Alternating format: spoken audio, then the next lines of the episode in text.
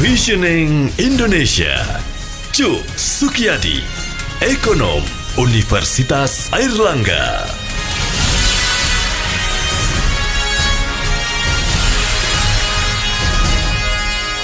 Mitra bisnis pembatasan sosial berskala besar atau PSBB di Surabaya, Sidoarjo, dan Gresik atau Surabaya Raya mulai berlaku. Gubernur Jawa Timur Kofifa Indar Parawansa menyatakan jika ketiga daerah yakni Kabupaten Gresik, Kabupaten Sidoarjo, dan Kota Surabaya memberlakukan peraturan yang sama akan terjadi sinkronisasi atau keselarasan dalam melaksanakan PSBB. Hal ini akan sangat menentukan efektivitas PSBB di Surabaya Raya. Adapun beberapa poin penting yang menjadi kesiapan PSBB di Surabaya. Salah satunya adalah penyekatan di ring terluar, yakni ada 8 titik penyekatan yaitu 7 perbatasan dengan Jawa Tengah dan satu perbatasan dengan Pulau Bali. Selama PSBB berlangsung akan ada penerapan jam malam. Baik, mitra bisnis bersama saya Fayolanda kita akan membahas hal ini dengan ekonom Universitas Erlangga Cuk Sukiyadi. Pak Cuk, seperti apa Bapak menanggapi hal ini? Saya mau melihat itu ya. Jadi yang saya khawatirkan justru kita bicara masalah PSBB,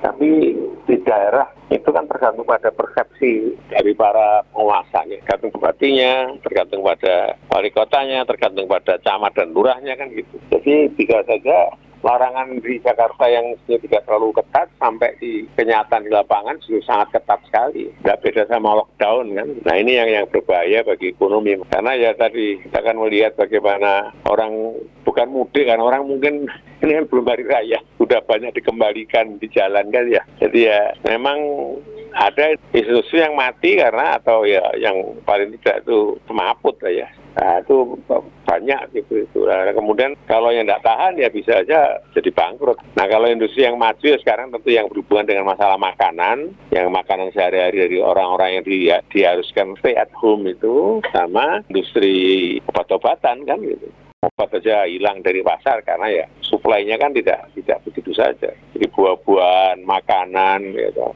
itu yang yang betul-betul sekarang lagi in, lagi boom. Jadi bangsa toko-toko anda lihat kan ramai terus kan. Orang nggak sekarang kita lihat orang orang keluar masih ke toko. Toko ya beli makanan, beli minuman, beli kue, beli jamu, apotek kan gitu.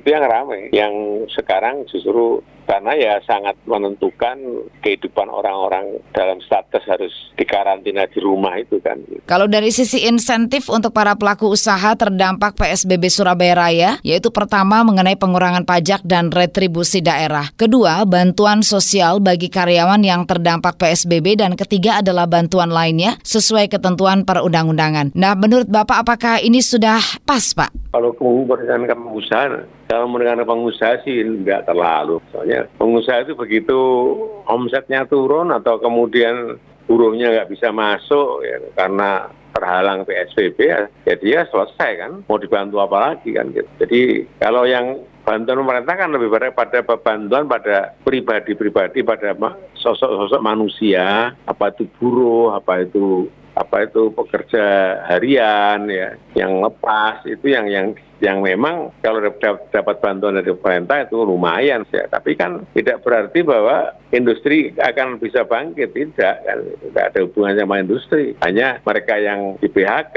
atau mereka yang dirumahkan atau mereka yang harus menerima upah atau gaji separuh itu dengan adanya program pemerintah dari Bu Kofifa itu memang ya lumayan lah gitu. Ada bantuan. Tapi ini tentu bagi industri tidak tidak terlalu ada hubungannya gitu. Pak Cuk, di lapangan kita sering melihat dan mendengar ada banyak bantuan yang tidak tepat sasaran atau tidak efektif karena beberapa faktor seperti double data atau bahkan tidak ada dalam data. Nah, untuk mengantisipasi agar tidak terjadi kebocoran dalam hal penyaluran bantuan ini apa yang harus dilakukan? Ya memang tadi ini kelemahan kita ya. Jadi mohon maaf ya saya katakan ke kemarin kan saya yang kritik Burisma ya karena Bu Risma kan sejak awal, sejak pemerintahnya dia, dia tidak terlalu menggerakkan aparat bawah ya, camat dan lurah ya. Dia kan lebih, lebih senang kalau dia yang muncul sendiri, jadi heboh kan gitu ya. Tapi dalam keadaan seperti sekarang ini, justru aparat yang paling depan lah, yang paling penting sebenarnya gitu. Jadi bagaimana lurah dibantu dengan RW dan RT